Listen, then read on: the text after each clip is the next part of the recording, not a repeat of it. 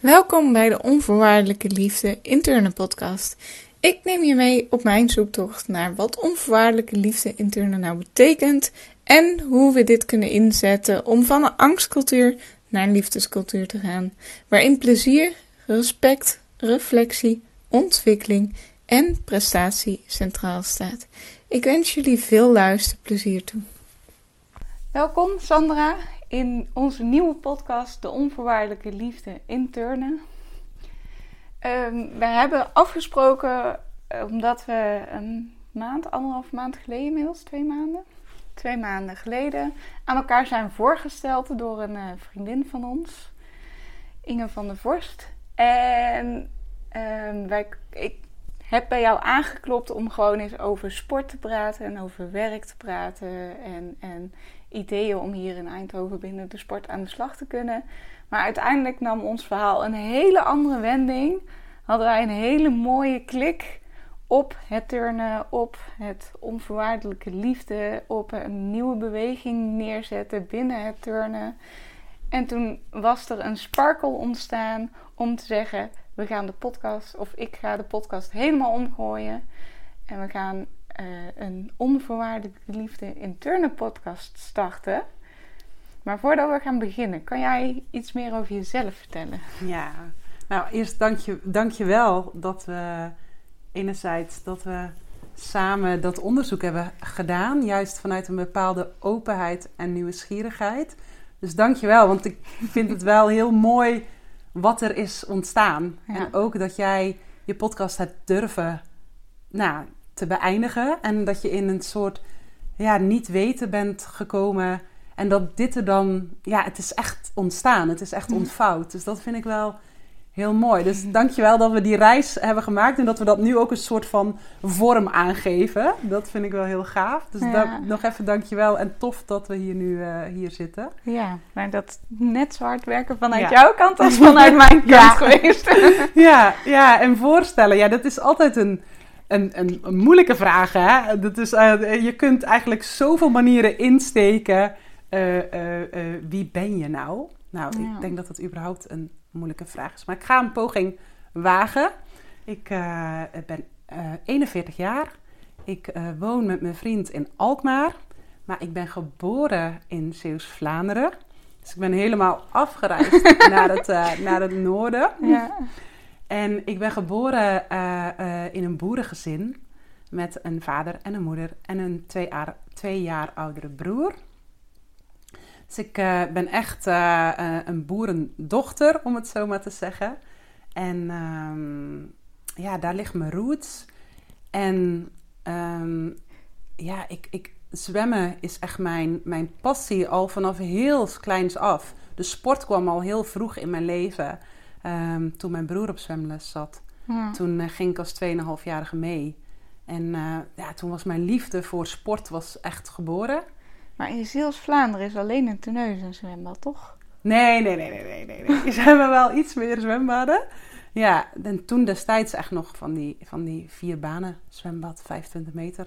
Echt van die hele kleine zwembaden. Daar ging ik zwemles uh, doen. En ah. daar heb ik mijn eerste, volgens mij zelfs mijn eerste Nederlands kampioenschap. Daar gaan we sneller. Mm Met mijn eerste Nederlands kampioenschap uh, was ik 13. Zwom ik in een zwembadje van vier banen 25 meter met van die hoge kanten. Ja.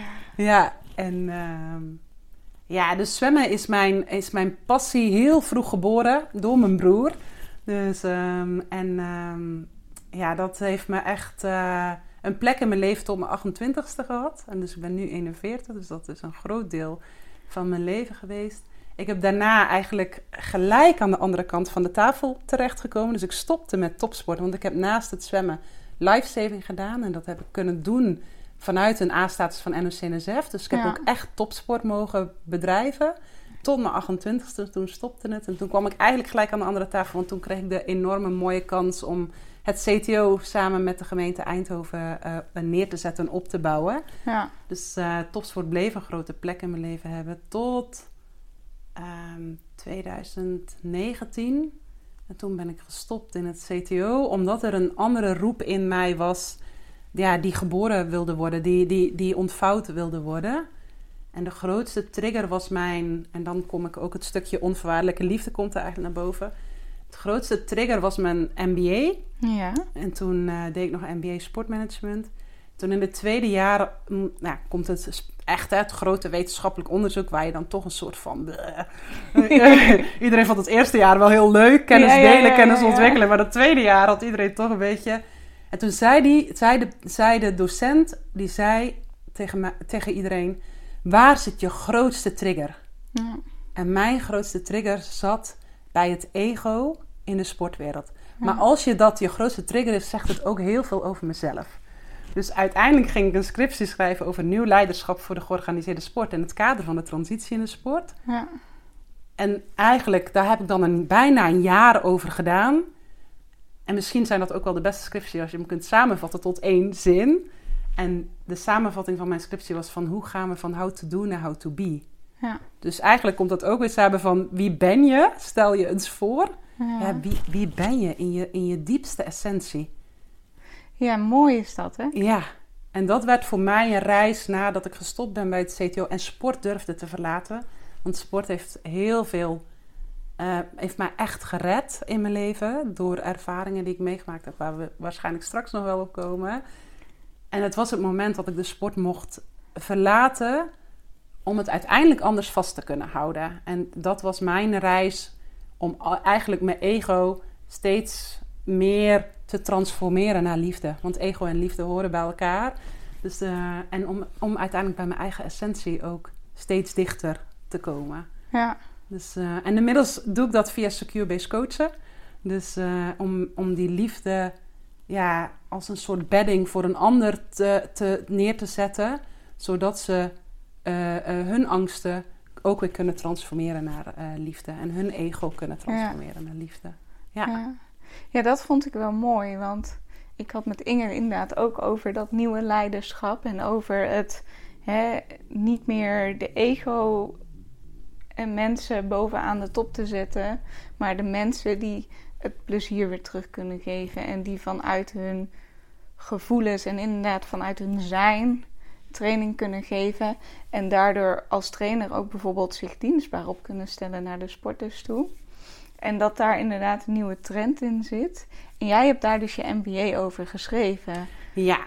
Ja. Hoe, ja, wat voor mooie mensen kom je dan tegen? En, en hoe is die transitie eigenlijk gegaan? Ja, nou, ik vind wel heel mooie dingen dat je zegt. Ehm, even om eerst terug te komen wat jij zelf zegt, hè, over uh, de liefde en het plezier weer uh, uh, helemaal neer te kunnen zetten vanuit het diepste gevoel, weer neer te kunnen zetten in de sport. Want ik denk als je aan heel veel sporters, maar ook trainers vraagt van, hè, van uh, heb, je er nog net zoveel, heb je er nog net zoveel plezier en ben je nog net zo speels als toen je ermee begon ooit?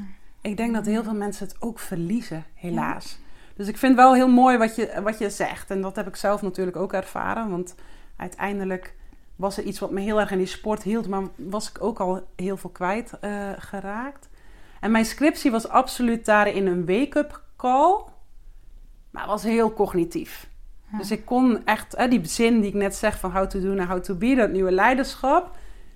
Ik, ik dacht echt, nou, ik heb echt een prachtscriptie geschreven. en heel veel mensen vroegen ook aan mij, wat ga je nu doen? Ja. Geen idee.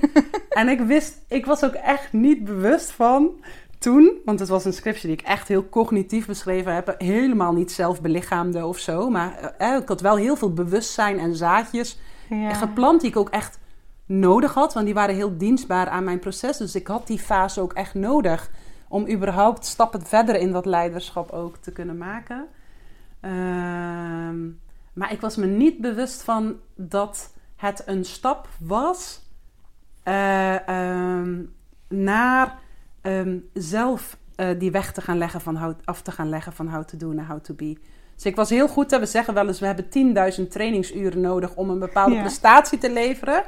Maar het naast de do-oriëntatie hoort ook de zijnsoriëntatie. En ik was ook in mijn werk.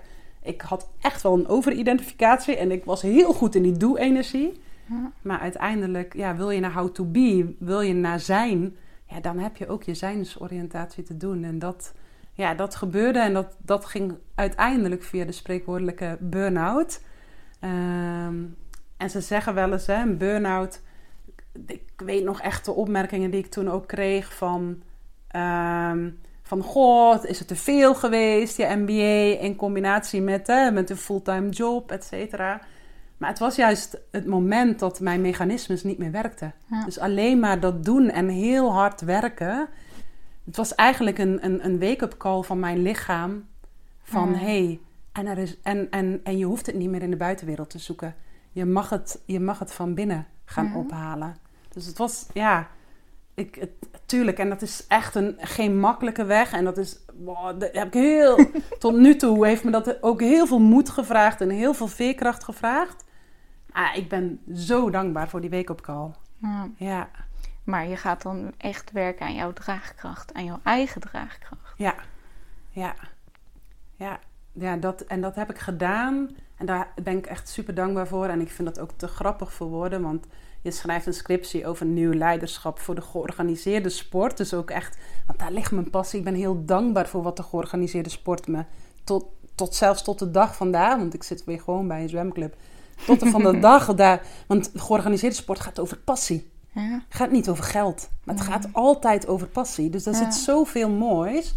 En eh, eh, eh, in het kader van de transitie in de sport en vervolgens toen ik dus in mijn burn-out kwam en ja, het eerste we- weken, maanden wist ik echt niet wat er precies aan de hand was. Ik had echt niet het idee dat die ene zin die ik net al een paar keer aanhaalde, dat het de bedoeling was dat ik dat ging belichamen, dat ik dat leiderschap moest belichamen, dat Mhm. mijn hoofd, handen en hart in één lijn zouden komen. Ehm, ja, dat heb ik gedaan met ondersteuning van de school voor transitie. Nou, Mhm. te grappig voor woorden. Je, hebt, je schrijft een scriptie over transitie in de sport. En vervolgens ga je een opleiding doen om het te kunnen belichamen. Om die tools te krijgen om het te kunnen belichamen. Ja. Ga je doen bij de school voor transitie. Om uiteindelijk, inderdaad wat jij ook zegt, die, die draagkracht echt eh, in jezelf op te halen. Om uiteindelijk je eigen secure base Ja. te worden van, van alles wat je tegenkomt door te, te dragen, door te zijn, door eh, met je eigen eh, ongemakken te zijn, met je eigen ego eh, te zijn en, en, en dat waar te nemen. Ja, dus, en dat te kunnen dragen inderdaad in jezelf. Ja. Ja, Mooi. ja, Maar dat is een hele reis geweest. ja. En dat- die reis is nog niet over. nee, nou, zou die ooit overgaan? Nee. Denk jij? Nee. Nou, dus ik, vind, ik zelf vind dat juist mooi dat hij niet overgaat. Nee. Elke keer heb je een, een, een, een laagje. Je loopt het cirkeltje van dat laagje. En dan denk ik, oké, deze snap ik. En dan ga je gewoon een laagje verder. En zo bouw je het op. En, en elk jaar denk je weer, oh, ik dacht vorig jaar dat ik zo'n goede trainer was. Maar dit jaar ben ik gewoon nog beter. Oh ja, ook mooi. Ja, en ik vind het mooi wat je zegt, want ehm, onvoorwaardelijke liefde geeft juist dit aan. Het is een, een oneindige bron. Het is een, Ja. waar, je, waar je uit kunt putten, waar je uit kunt halen. Dat is super mooi wat je zegt, ja. Ja. ja. Ja, dus daarom is het mooi ook, die reis mag ook niet ten einde komen. Alleen doordat je je... van genieten. Ja, en doordat je eigen draagkracht steeds groter wordt, ehm, worden de, de, de, ehm, de transformaties en de angststukken die, on- die je tegenkomt, worden wel steeds makkelijker te dragen. En worden wel steeds, ehm, ja, die liefde neemt steeds meer toe. Dus die bedding neemt ook, ook steeds meer toe. Ja. Ja, ja. Ja, dus nee, laten we hem alsjeblieft oneindig door laten gaan. Ja, ja. ja, dat is mooi. Maar je vroeg inderdaad van, dat is, een, een, dat is geen eh, makkelijke reis of, geweest. Nee, nee, nee. Want je, je ja, je, rij, je, je trekt toch een, een, een, je trekt toch uiteindelijk ehm, je eigen beerput open. Ja, je Ja. moet heel erg gaan kijken, heb ik belemmerende overtuigingen? Waar komen ze vandaan? Wat zit er, hè, we hebben je vorige gesprek gehad, wat zit er in mijn familiesysteem? Ja. Hoe ben ik opgevoed? Eh, welke cultuur Nederland zitten we in? Hoe ga ik me daar tegenover verhouden? En ja, je, je, je verandert ook. Je stoot vrienden af die je al jarenlang had. Je krijgt nieuwe vrienden, gelukkig. Ja, Maar ja, is wat je zegt. Je moet echt bij jezelf heel eerlijk zijn, heel open zijn. En je moet jezelf veilig genoeg voelen om dat überhaupt te durven. Ja. Ik, eh, ik heb mijn vriend hier heel hard bij nodig gehad. Ik, Ja. Alleen weet ik niet of ik dat allemaal gered had. Mm, dus hij was ook echt een secure base voor jou. Ja, ja, ja. Oh, wauw. Ja. Hij heeft, eh, ik heb eh, nachtenlang daar in dat hoekje van de bank ook gewoon huilend gezeten. Zo van, ja, ik snap het allemaal niet meer. Dat Ja. hij gewoon naast me zei, ja. zat gewoon arm om mij, zei Zena, haal maar even uit. Nou, en dat herken ik wel heel erg. Bij mij is het echt een reis ook eigenlijk terug in mijn tijdlijn. Dus ik had eerst mijn werkverlies, eh, ondanks dat het in een super mooi overleg was gegaan met het CTO en ik zelf ook echt had aangegeven. Mijn nieuwsgierigheid is gewoon op en mijn uitdaging is er niet meer. Zijn we daar op een super manier mee omgegaan, maar je, ineens heb je geen professionele rol meer. Dus je verliest een stukje identiteit. Ja. Nou, toen kwam bij mij daarna snel wel, eh, op die tijdlijn kwam ik bijvoorbeeld ook mijn, mijn, mijn eh, eh, relatieverlies tegen, eh, wat ik had gehad. Mijn auto-ongeluk, wat eigenlijk de aanleiding was van dat ik stopte met, met topsport. Terwijl die reis heb herschreven dat ik eigenlijk dankbaar was uiteindelijk dat die man mij een zetje had gegeven tijdens het auto-ongeluk, dat hij achterop was gereden omdat hij mij het, letterlijk het setje had gegeven om voor mijn professionele rol te gaan en Ja. te stoppen met topsport. Ja. Want ik durfde niet te stoppen met topsport, want ik was bang voor, voor de leegte en het effect. Dus het is wel grappig dat ik dat achteraf heb kunnen herschrijven, maar dat had ik dus nog te doen. Ja. Het was nog altijd een verlies wat niet verwerkt eh, was. Ja, en langzaam kwam ik dus terug bij... Mijn moeder is overleden toen ik 12 was. En ik, ik, ik haal het aan omdat jij net ook je vriend aan, aanhaalt. En mijn moeder is overleden dat ik 12 was. En, en voor ons in het familiesysteem, als je, wat je ook zegt, hè, wat je neemt, neemt, was het heel moeilijk om de dood aan te kijken. Ja. En dat is denk ik voor heel veel systemen, heel veel gezinnen, is het heel moeilijk om de dood aan te kijken. Want ja, in de oorlog, dat dragen we ook nog mee. Want we dragen dingen mee van zeven, volgens mij acht generaties of zo terug. Ja, dus dat weet ik niet. nou, ik denk dat er in de oorlog heel veel dood niet eh, eh, aangekeken kon worden. En dat was in mijn systeem ook zo. En zwemmen is mijn redding geworden. Sport is mijn, mijn redding geworden. En mijn troost eigenlijk ook geworden. Ja. Ehm, maar er was wel heel veel ja, liefde bevroren geraakt. Mijn hart was letterlijk een stuk daar op slot gegaan. Mhm. En heel veel emoties, omdat hè, die veiligheid er niet was, heel veel emoties zijn er daar gegijzeld. En toen kwam ik dus in dat stuk echt ja, van het verlies van mijn moeder. En ik haal het aan omdat toen ik daar een stap in gezet had, Ja. toen was er voor mij pas weer ruimte. Ze zeggen wel eens achter je partner staat je moeder.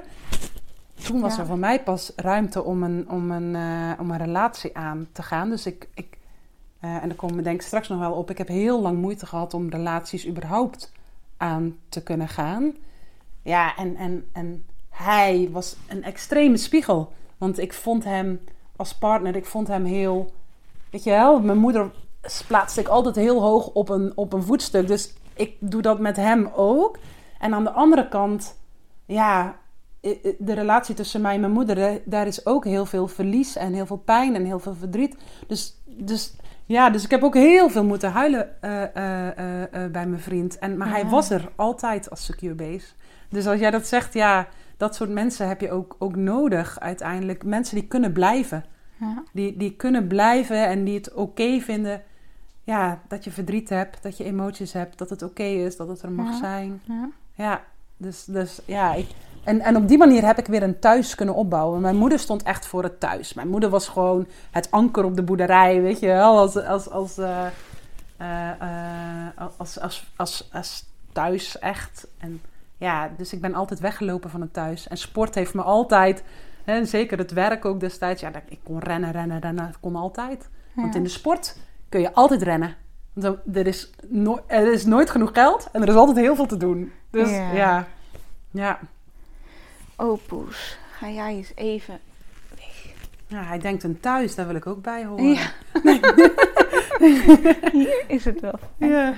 Ja, zie je? Het werkt niet. Hmm. Nou, ga maar hier liggen dan. Nee, niet daar. Daar. Ja, maar nu we toch onderbroken zijn. Ja. eh, we hebben het een aantal keer over onvoorwaardelijke liefde gehad en een secure base. ja. Wat betekent dat voor jou? Ja, mooi, mooie, mooie vraag, sowieso. En we hebben het natuurlijk al ook eerder over gehad.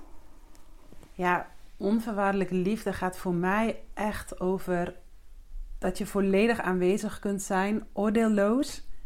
Dat je, dat je, dat je voorbij, ja, dat je, dat je gewoon oordeelloos aanwezig kunt zijn. En dat alles er mag zijn Ja. van iemand, dat alles oké is. Ja. En ik zeg dat vanuit natuurlijk mijn eigen ervaring, dat ik heb beseft waar mijn eigen ego vandaan komt.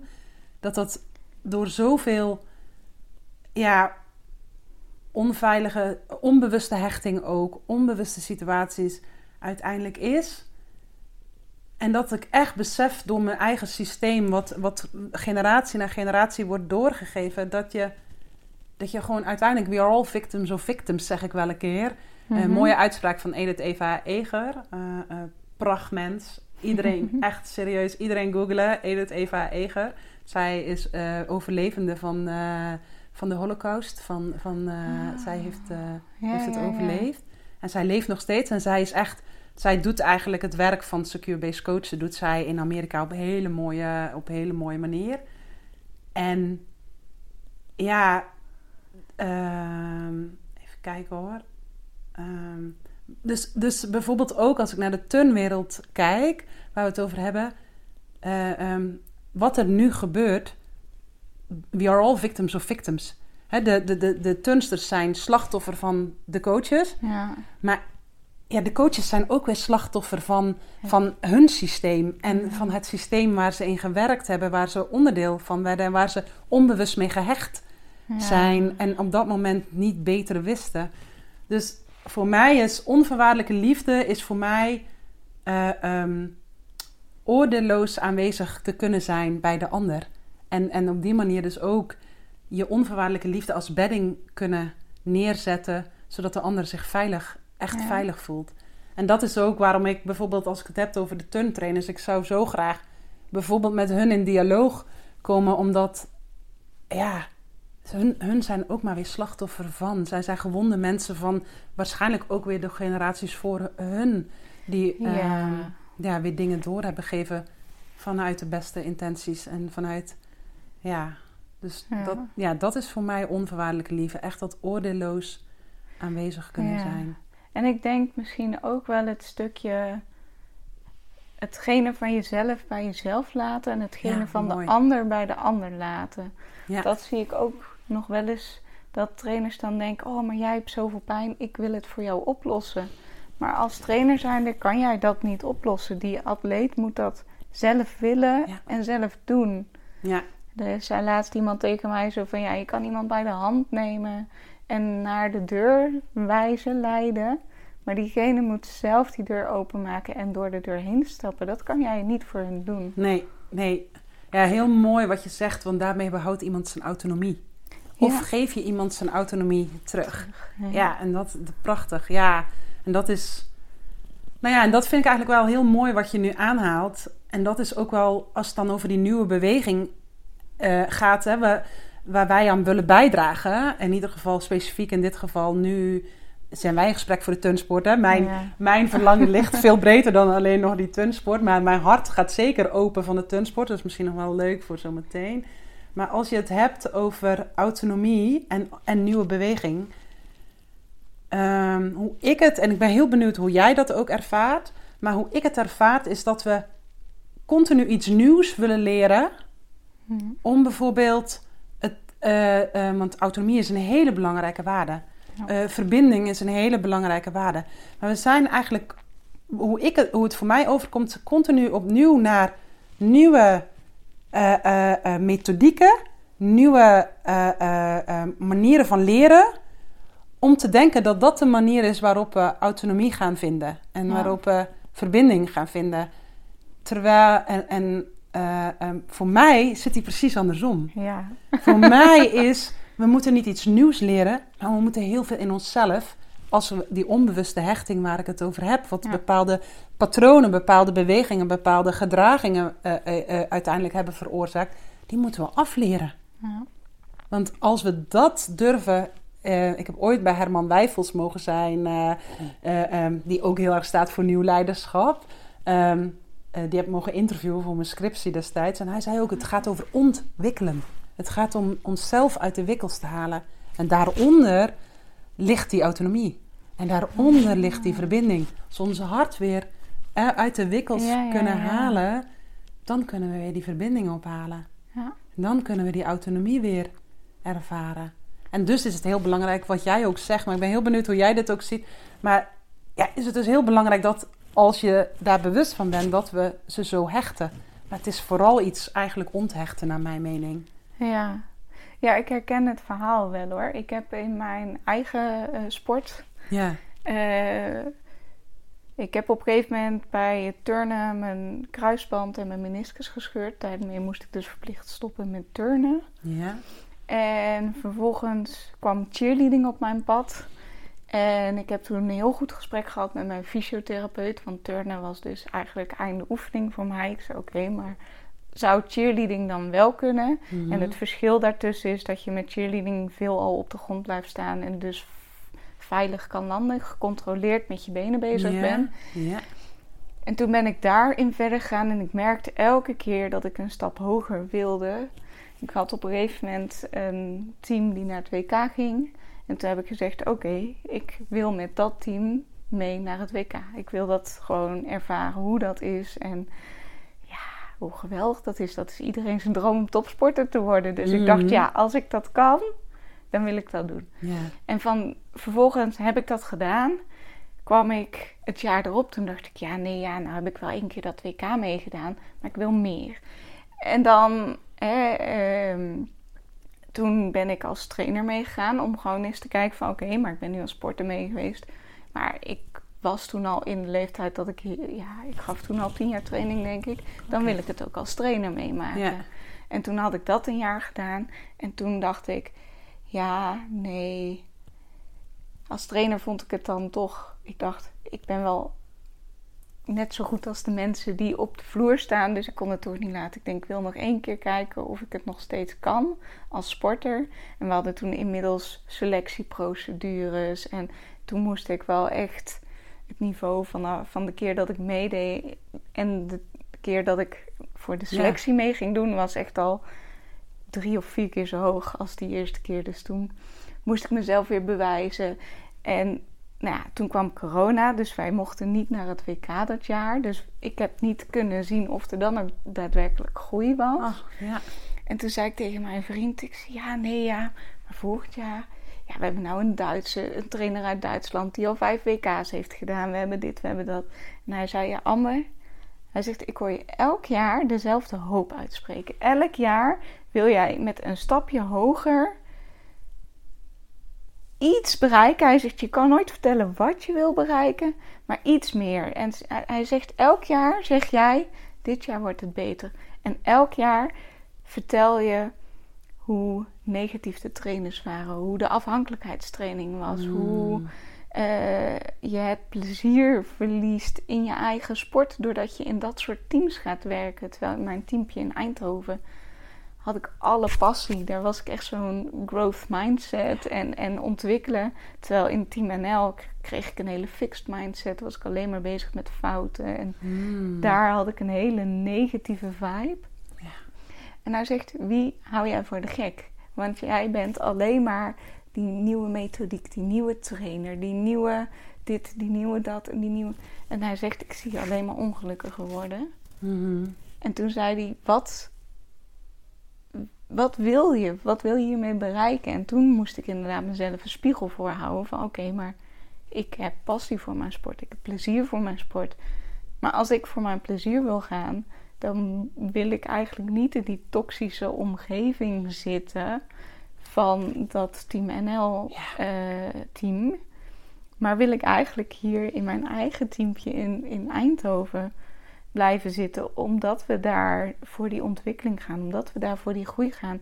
En ik, hè, het niveauverschil was minimaal tussen mijn eigen team, waar ik gewoon plezier beleefde, mhm. dan het Team NL-team. Ja, dus ik hoor je, als ik je goed hoor, Amber, zeg je ook van Um, hè, waar, waar, we het zo hadden over autonomie en verbinding. Maar daar hoort voor mij inderdaad ook speelsheid, plezier, passie horen daar ook bij. Uh, um, zodra je eigenlijk hoger kwam en, en Ja. eh, ervaarde je dus meer toxisch, toxische energie.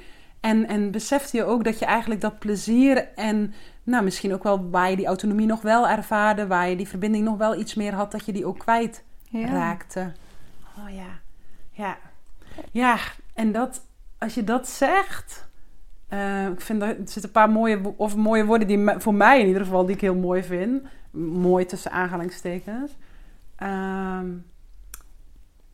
want laten we niet vies zijn van high performance. Nee. Want er zijn voor mij, ik noem maar een paar voorbeelden van topsporters die, die, die mij, voor mij het echt die verbinding, autonomie, eh, eh, ehm, maar ook spelen zo eh, eh, ehm, eh, belichamen. Voor mij, ik ben heel benieuwd hoe die er nu uitkomt, hè, maar Mathieu van der Poel was voor mij echt zo'n voorbeeld. Mm. Echt zo'n sporter waar je ziet. Ja, ik denk dat hij ook niet voor niks die, die mountainbike ook nog heel graag aanraakt. Want mountainbiken lijkt me qua wielrennen een van de meest speelse. ah, niet, niet de, maar, maar wel heel veel speelsheid in zich Ja, ja, ja. hebben. Ehm, ja, dus, dus high performance kan volgens mij heel goed samengaan eh, daarmee. Maar wat jij ook zegt, en, en dat is voor mij geen goed of fout, maar die toxische energie die je ervaren hebt, ja, dat zegt uiteindelijk ook van hoeveel we gijzelen. Ja. Hè? Hoeveel emoties we, we gijzelen in de sport. En dat vind ik wel, en dan haal ik me ook even wat ik zelf ervaren heb.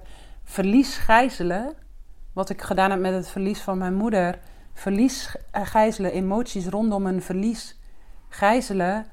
En dus eigenlijk dat je gewoon het, het toxisch maakt in je eigen lijf. Ja. Ja, wat dat doet, ik herken namelijk precies wat je zegt. Ik heb juist bij mijn eerste verlies nog niet zo, want ik was in het zwemmen redelijk talentvol en dat ging me vrij natuurlijk af. Ja. Maar bij mijn volgende verlies, dus het stapeltjesverlies, het stapeltjesverdriet, Ja. vanaf dat moment werd het voor mij, ging ik steeds meer in de buitenwereld willen halen. Dus ik wilde steeds meer en ik wilde nog beter. En ik wilde, eh, ehm, ja, ik dacht het in de buitenwereld te vinden wat ik in mijn binnenwereld verloren had. ja. Ja, En dat is mooi als je dat om kan draaien en kan zeggen: Oké, nee, ik moet bij mezelf gaan kijken waar het zit en bij mezelf gaan voelen wat ik wil en, en Ja.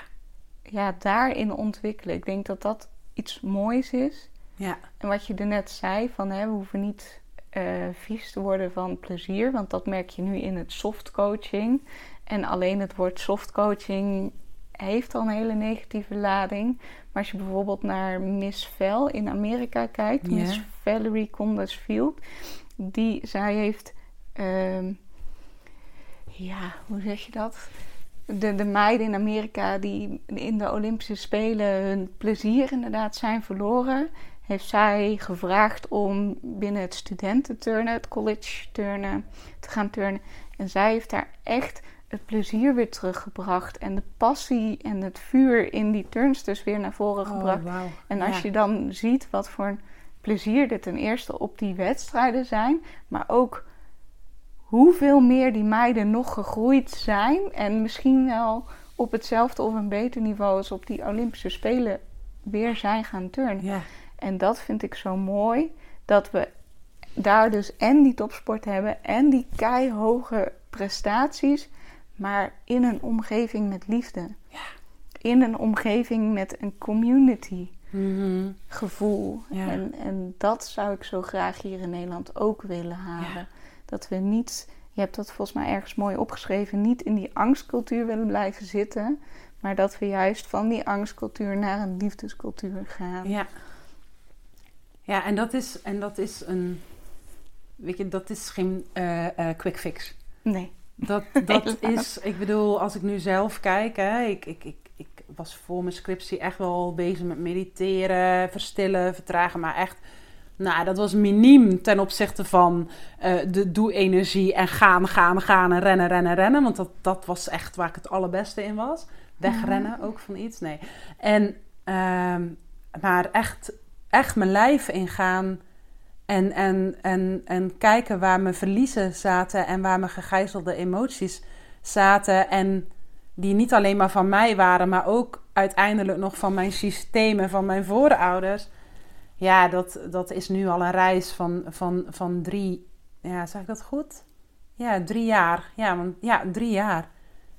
En nou ja, wat we net al zeggen, het is een on, on, uh, uiteindelijk is liefde, onvoorwaardelijke liefde, is een oneindige bron van. En, en, Ja. en dus, ja, dus, dus dat is geen quick fix. Dat is niet iets technisch Nee. willen leren. Dat is iets, ja, dat is een diepe, diepe reis uiteindelijk van, van, van, van rouw, van, van transformatie. Maar ik weet wel, en dat, daar ben ik super trots op in mezelf, die reis staat voor duurzaamheid. En die reis staat voor autonomie, verbinding, waarin we dat niet alleen in onze hoofd hebben, maar ook in onze handen. Dus wat we doen, komen we dan ook na. We kunnen echt verbinden. We kunnen Ja. echt eh, iemand anders zijn autonomie geven. Ook op de meest moeilijke momenten, want daar gaat leiderschap voor mij ook over. Kun je hè, Mhm. iemand, wat jij ook net zo zei, niet willen redden op de meest moeilijke momenten, maar kun je op dat moment ook nog iemand zijn autonomie geven? Ja. Ja, ja ik weet zeker dat, ja, en dat, dat, dat, is, dat, is een, nou, dat is een diep, diep weten en een diep van mezelf ook inmiddels weten. Ja, dat is de duurzame weg naar, naar die waarde voor, voor, voor de turnsport, maar voor de sport in, in Ja. zijn algemeenheid. Ja, en dat is geen quick fix. Dat is een reis, nou ja, waar ik zeker weet dat ik het, eh, het einde niet van mee kan maken, zeg maar, in dit leven. Dat, wordt, ja, dat is een, een, een reis, maar ja, wel, ja, wel een supermooie. En ik denk ook voor heel veel sporters, eh, maar ook voor andere, eh, hè, de andere lagen in de sportwereld. Ja, stel maar eens de vraag waar ben je het plezier verloren? Ja. Ja, en dat het de manier is om heel veel plezier weer terug te brengen in de sportwereld. En dat we het niet over hebben. En dat herken ik in mezelf heel erg, hè? maar ik heb hem ook uit het veld gehoord. Dat we niet bang zijn om te stoppen. Of dat we het niet hebben over dat we het aan het volhouden zijn. Ja. Maar dat het gewoon, ja, plezier is een mega brandstof. Dat is, Ja. de, dat is de brandstof om, om uiteindelijk high performance te kunnen hebben. Spelen, ja, plezier. Ja. Dat denk ik ook wel. En er zijn inmiddels al zoveel wetenschappelijke onderzoeken die daarachter staan. Die ook hè, bijvoorbeeld dat growth mindset tegen het fixed mindset. Dat die groei nog altijd beter is. En, en dat het ook meer veiligheid biedt aan jouw sporters. En Ja. ik denk ook dat eh, de trainers nu een stap moeten zetten in zelf gaan reflecteren. In kijken van, hè, mijn sporter doet iets fout. Maar ik als trainer heb de verantwoordelijkheid om mijn sporter te begeleiden. Dus wat kan ik anders doen? Of wat kan Mhm. ik van de sporter van, of de fout van mijn sporter leren, zodat ik ook die fout niet meer maak? Ja. En niet zeggen, hé, hey, jij hebt het fout gedaan, maar gewoon je eigen verantwoordelijkheid te nemen.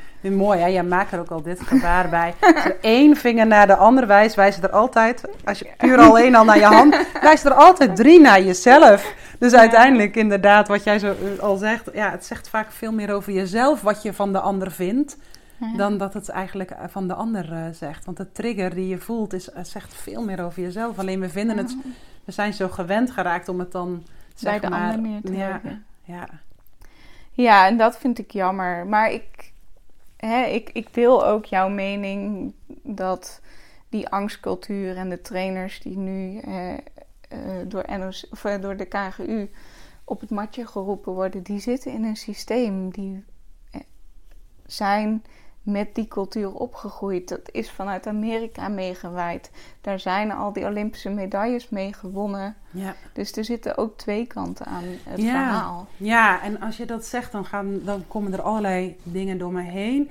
Want ehm, ik weet dat een jaar geleden nog aan iemand mij vroeg van... Ben je dan... Dat was voordat de turnwereld naar buiten eh, kwam. Mhm. eh, met, hè, met het grensoverschrijdend gedrag. Ehm, toen vroeg wel iemand aan mij... Ben jij dan de enige pionier die, die deze weg aan het afleggen is? En toen zei ik, ik weet het niet. Nee, Ik alleen ben nog geen andere tegen. eh, pioniers tegengekomen die zo, ja, die, die zo niet meer gaan over dat cognitieve leiderschap, maar echt over dat leiderschap wat je belichaamt, echt dat how to be. En ehm, toen, nou, toen nu, een, nu zijn we anderhalf jaar later en zijn ja, bijvoorbeeld een pionier die ik echt aan kan halen, die er echt al voor enorm voor staat, is bijvoorbeeld Sandra Meeuwissen. Mhm. Eh, eh, zij is vorig jaar, een jaar geleden, gepromoveerd eh, in een proefschrift. En ja, een zin die ik er altijd uit on- onthoud uit de proefschrift is: er zit heel veel potentieel en heel veel goud in de beerput. Ja. En zij heeft inmiddels, als je het dan hebt over, over wetenschappelijk, nou, dat, dat onderzoek wat zij gedaan heeft als filosofe, Ja. ja, dat is, ja, dat is, dat, dat geeft prachtig de andere beweging eh, eh, weer. En zij heeft inmiddels nu een, eh, is zij bij de Erasmus Universiteit aangesloten. Dus, Mhm. nou ja, zij gaat echt absoluut laten zien, ook wetenschappelijk, eh, ehm, ja, wat de kracht van de andere beweging is. En die is zij in het veld al prachtig aan het neer, Ja. neerzetten. Dus waar ik het een anderhalf jaar geleden echt niet wist, of, ik, eh, of er andere pioniers ook waren, ja, zijn we, zie ik nu al dat ik, ik in ieder geval verbonden mag zijn met prachtige pioniers. En wie weet, hè, bijvoorbeeld, wie weet via, via zo'n podcast dat er stiekem mensen die nu zich heel eenzaam in dat proces voelen, Ja. ook oppoppen. Ja. En dat we op die manier die beweging steeds, ja, die beweging steeds groter mogen maken. En die pad wat we vrijmaken voor andere mensen, waar andere mensen weer op kunnen lopen en kunnen volgen. Want ik heb ook de voorgangers bij de school voor transitie nodig gehad om mijn. Oh, Ja, zij ja, hadden weer een weg voor mij vrijgemaakt waar ik weer over kon lopen. Ja. En dan krijgen ze wel, en dat vind ik heel mooi, hè, want dat zie ik. Ik begeleid ook bijvoorbeeld eh, iemand uit de turnsport. Ja, weet je, en, dus, en zij kan het pad weer volgen hè, wat, ik voor, eh, wat ik vrij heb gemaakt. Want je kunt een ander pas zo ver brengen tot waar je zelf, je, Ja, jezelf ja, ja. hebt gebracht. En wat ik bijvoorbeeld bij haar gewoon heel mooi vind, en dat weet ik zeker dat in de sportwereld, dat vind ik juist heel mooi. Ehm, door die enorme kracht die we ook bij ons hebben, die zetten we ook in. in, in die, die ben ik in mijn eigen proces tegengekomen. Dus die enorme veerkracht die ik in de Mhm. sportwereld gehad heb, ondanks de vele verliezen, maar weer opstaan en doorgaan. Ja. Die heb ik ook in de achterwaartse beweging heb ik die ingezet. Ja. Elke keer, ook al was er soms nou, echt wel hele moeilijke momenten. eh, eh, ehm, en vroeg ik me soms wel eens echt af van jeetje, hè, waar, is, waar is het leven? Ehm, ja, heeft die veerkracht me ook daar gebracht waar, waar ik nu ben? En, en, en, en dat is echt wel ja, dat je je hart gewoon voelt stromen. En dat je de liefde voelt stromen. En wat ik zeg, dat je aanwezig kunt zijn bij iemand of bij de ander. Eh, Ja. ehm, ja, zonder, zonder oordeel, maar juist met heel veel nieuwsgierigheid Ja. in de ruimte. Dus ik denk niet dat het is. Ik denk wel dat we de afgelopen anderhalf jaar dat er al heel veel beweging op gang is gekomen van de andere beweging. Ja. En dat vind ik wel. En daar heeft de turnsport, daar zijn ze natuurlijk een mega pionier in. Want zij maken heel veel andere eh, eh, eh, takken van sport echt wel wakker. En die turnsters maken ook andere lagen weer wakker. Kijk maar nu naar de danssport volgens Ja. mij, hè, volgt al. Ja. Maar volgens mij, ja, nou ja, matchfixing komt ook steeds meer. Hè, dus andere onderwerpen die allemaal te maken hebben voor mij van gemis van onvoorwaardelijke liefde. Dus volgens mij is er wel al een prachtige beweging in gang eh, eh, gezet de afgelopen tijd. Ja. Ja. Nou, nou zijn er een aantal dingen in jouw verhaal die mij triggerden. Ja. Oh, fijn. ja, mooi. Gaat Oh, leuk. snel nou zo, hè? Oh. ja, we gingen drie kwartier podcast doen, toch? Ja, nou, ik weet niet of... eh, Oh ja, Toch niet. 44 minuten. 44 minuten. Ja. Maar eh, eh, er zijn een aantal dingen die ik je nou hoorde zeggen. Ten eerste vind ik het leuk dat je zegt van... Hè, dit is mijn verhaal. En, en sinds ik hiervoor ga staan... kom ik andere mensen tegen die, ja, die dat ook hebben gedaan... waardoor ik hier niet meer alleen sta. Ja. En dat is wel leuk aan de podcast. Dat dit dus een platform kan zijn. Dat Ja. ik hoop dat mensen ook zeggen van... Oh, ik vind dat verhaal ook mooi. Ik durf mijn verhaal ook met jou te delen. Zodat we door de podcast ook meer van deze verhalen ja, kunnen gaan delen. Oh, mooi. Ja. Dus dat, eh, dat is een wel Dus die een wens. uitnodiging doen we ook ja, dat nu. is een wens. Ja, oh ja. Ja, laat het wel alsjeblieft ook een laboratorium zijn. Ja. Hè? Laten we het echt als een onderzoek zi- zijn. En, Maar, ieder- iedereen die hiervan wil leren en hier zich aan ontwikkelen, dat hij zich echt absoluut zo welkom eh, Ja. eh, voelt. Ja. en dat je ook niet meer alleen hoefde te voelen. Ik heb op de WK gestaan. Ik voelde me daar zo eenzaam en zo alleen en Ja. onbegrepen. En, en door inderdaad met jou erover te praten, andere mensen denk ik... Oh, maar jij hebt dat ook gevoeld. Oh, dat ligt dan toch niet aan mij. Ik ben toch niet gek. Nee. Maar er zijn meer mensen die dat gevoeld hebben. En dat vind ik ook mooi om te delen en om uit te stralen. En ik vind het fijn als mensen, of als nu de nieuwe turnsters zich niet meer alleen hoeven voelen. Dat ze Mhm. weten dat er Ja. een netwerk bestaat die ze kan ondersteunen en kan helpen. Ja. ja, en ik denk dat we niet om dat gevoel van eenzaamheid om kunnen gaan. Want hoe meer je je hart afsluit, eh, eh, eh, hoe, hoe groter eigenlijk ook uiteindelijk het gevoel van eenzaamheid is in je. Ja. Ehm, maar, maar juist over, juist bijvoorbeeld, ik noem maar wat, een moment met elkaar om de tafel te gaan praten, om dat bespreekbaar te maken. En, en, en ik weet zeker dat er dan zoveel mensen zijn die, die hetzelfde voelen. Ja. En, en dat verbindt uiteindelijk. En dat Ja. maakt die eenzaamheid alweer een klein stukje minder. Ja. Ja, Ja, en het andere wat mij heel erg triggerde is... Hè, in onze voorgesprekken met elkaar je altijd zo lekker positief. en een van die dingen zeg je net weer... We zijn al zo ver. ja. Welke stappen heb jij in de afgelopen jaren gezien binnen de turnwereld... waarvan je nu zegt... Ja, hier ben ik eigenlijk gewoon super trots op... dat we dit al hebben bereiken als, Mm. als wij als pioniers zijn. eh, of, Nou ja, ik, ik- en dan we bedoel ik even de turnwereld in zijn Ja. geheel, hè, waar ik een, klein bijdrage, een kleine bijdrage aan mag eh, eh, doen. Ehm, nou, ik, allereerst natuurlijk het, het erkennen wat de, de turners, maar ook de trainers eh, eh, eh, hebben gedaan. Ook Ja. al hè, voor de trainers, ja, als we het dan hebben weer over victims of victims, ze hebben het wel durven. sommigen hè, hebben het wel durven te zeggen. ja. Dus het erkennen vind ik al een hele grote stap. En ja, wat ik bijvoorbeeld nu heel prachtig vind, welke stap er ook gebeurt, ehm, is dat ze nu met het, eh, U- met het UMCG, het Universiteit eh, van Groningen Medisch Centrum Mhm. in Groningen, dat ze nu lichaamsgerichte therapie gaan doen. Ja, dat vertelde je. Ja, weet je, dat vind ik echt prachtig. Ze, Ja. hè, wat ik ook zeg van, we kunnen het, en we kunnen het cognitief allemaal wel weten, Ja. eh, maar het gaat er uiteindelijk om. De enige manier om te zorgen dat, dat we die onvoorwaardelijk lief ophalen, is om dat lichaam in te durven gaan.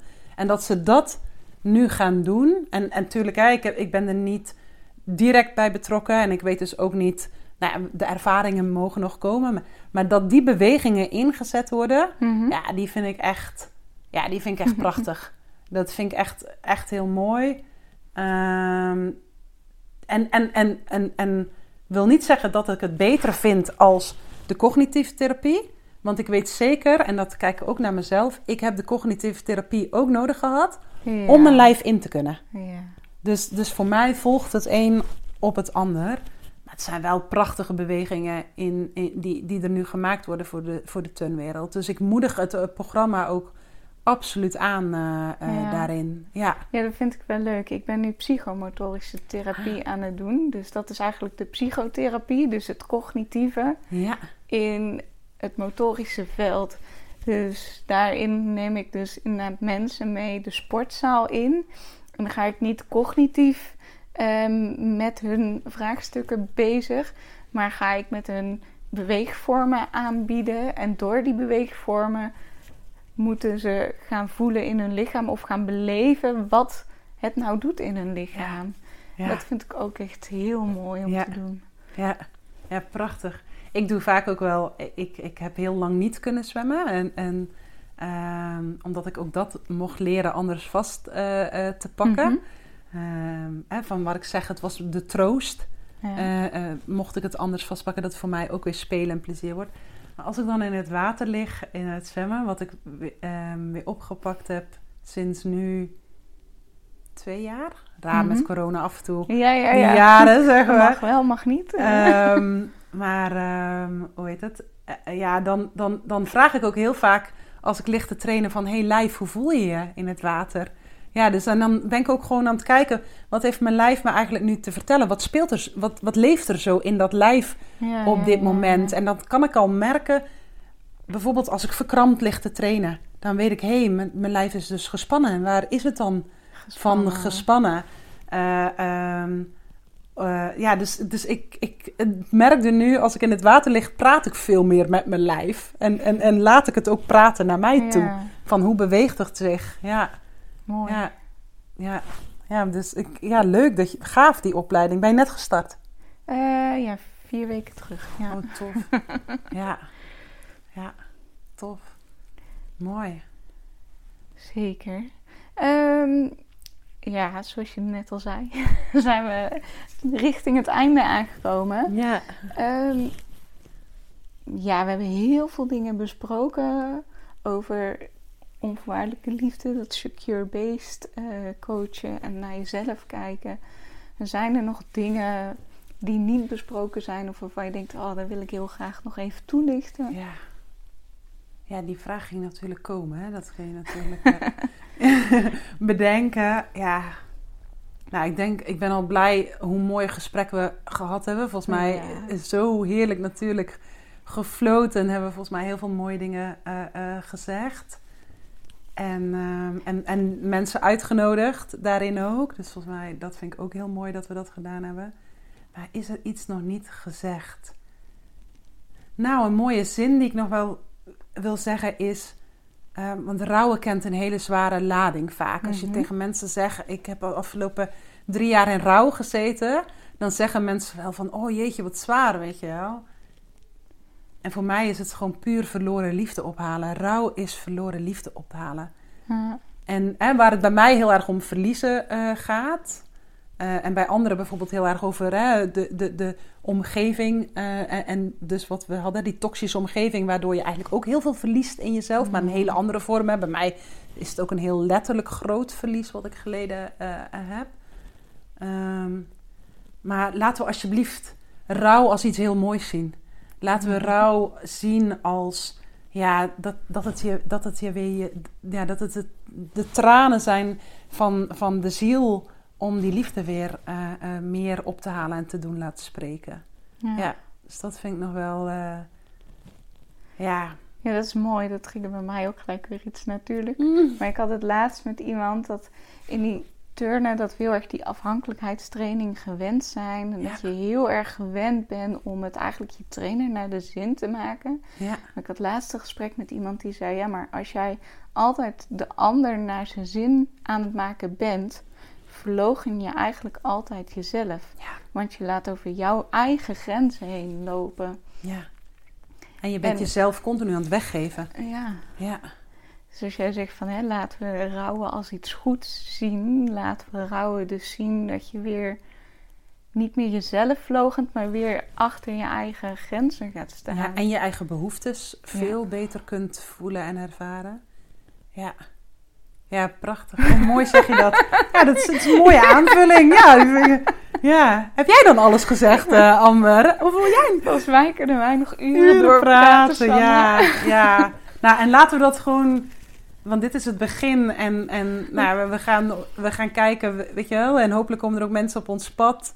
eh, die, die met jou samen een hele mooie podcast gaan opnemen. Maar het lijkt me super mooi om over een jaar of zo te kijken. Waar ik zei, over anderhalf jaar geleden Ja.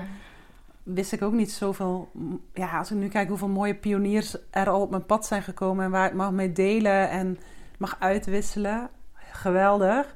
En ja, dus laten we dat over een jaar of zo ook, eh, ook doen. Lijkt me geweldig om te kijken waar we dan staan en wat we dan weer opgehaald hebben en welke pad er dan vrij is weer gemaakt. Ja. Ja, en hoeveel mensen in die beweging, in die movement eh, inmiddels onderdeel zijn.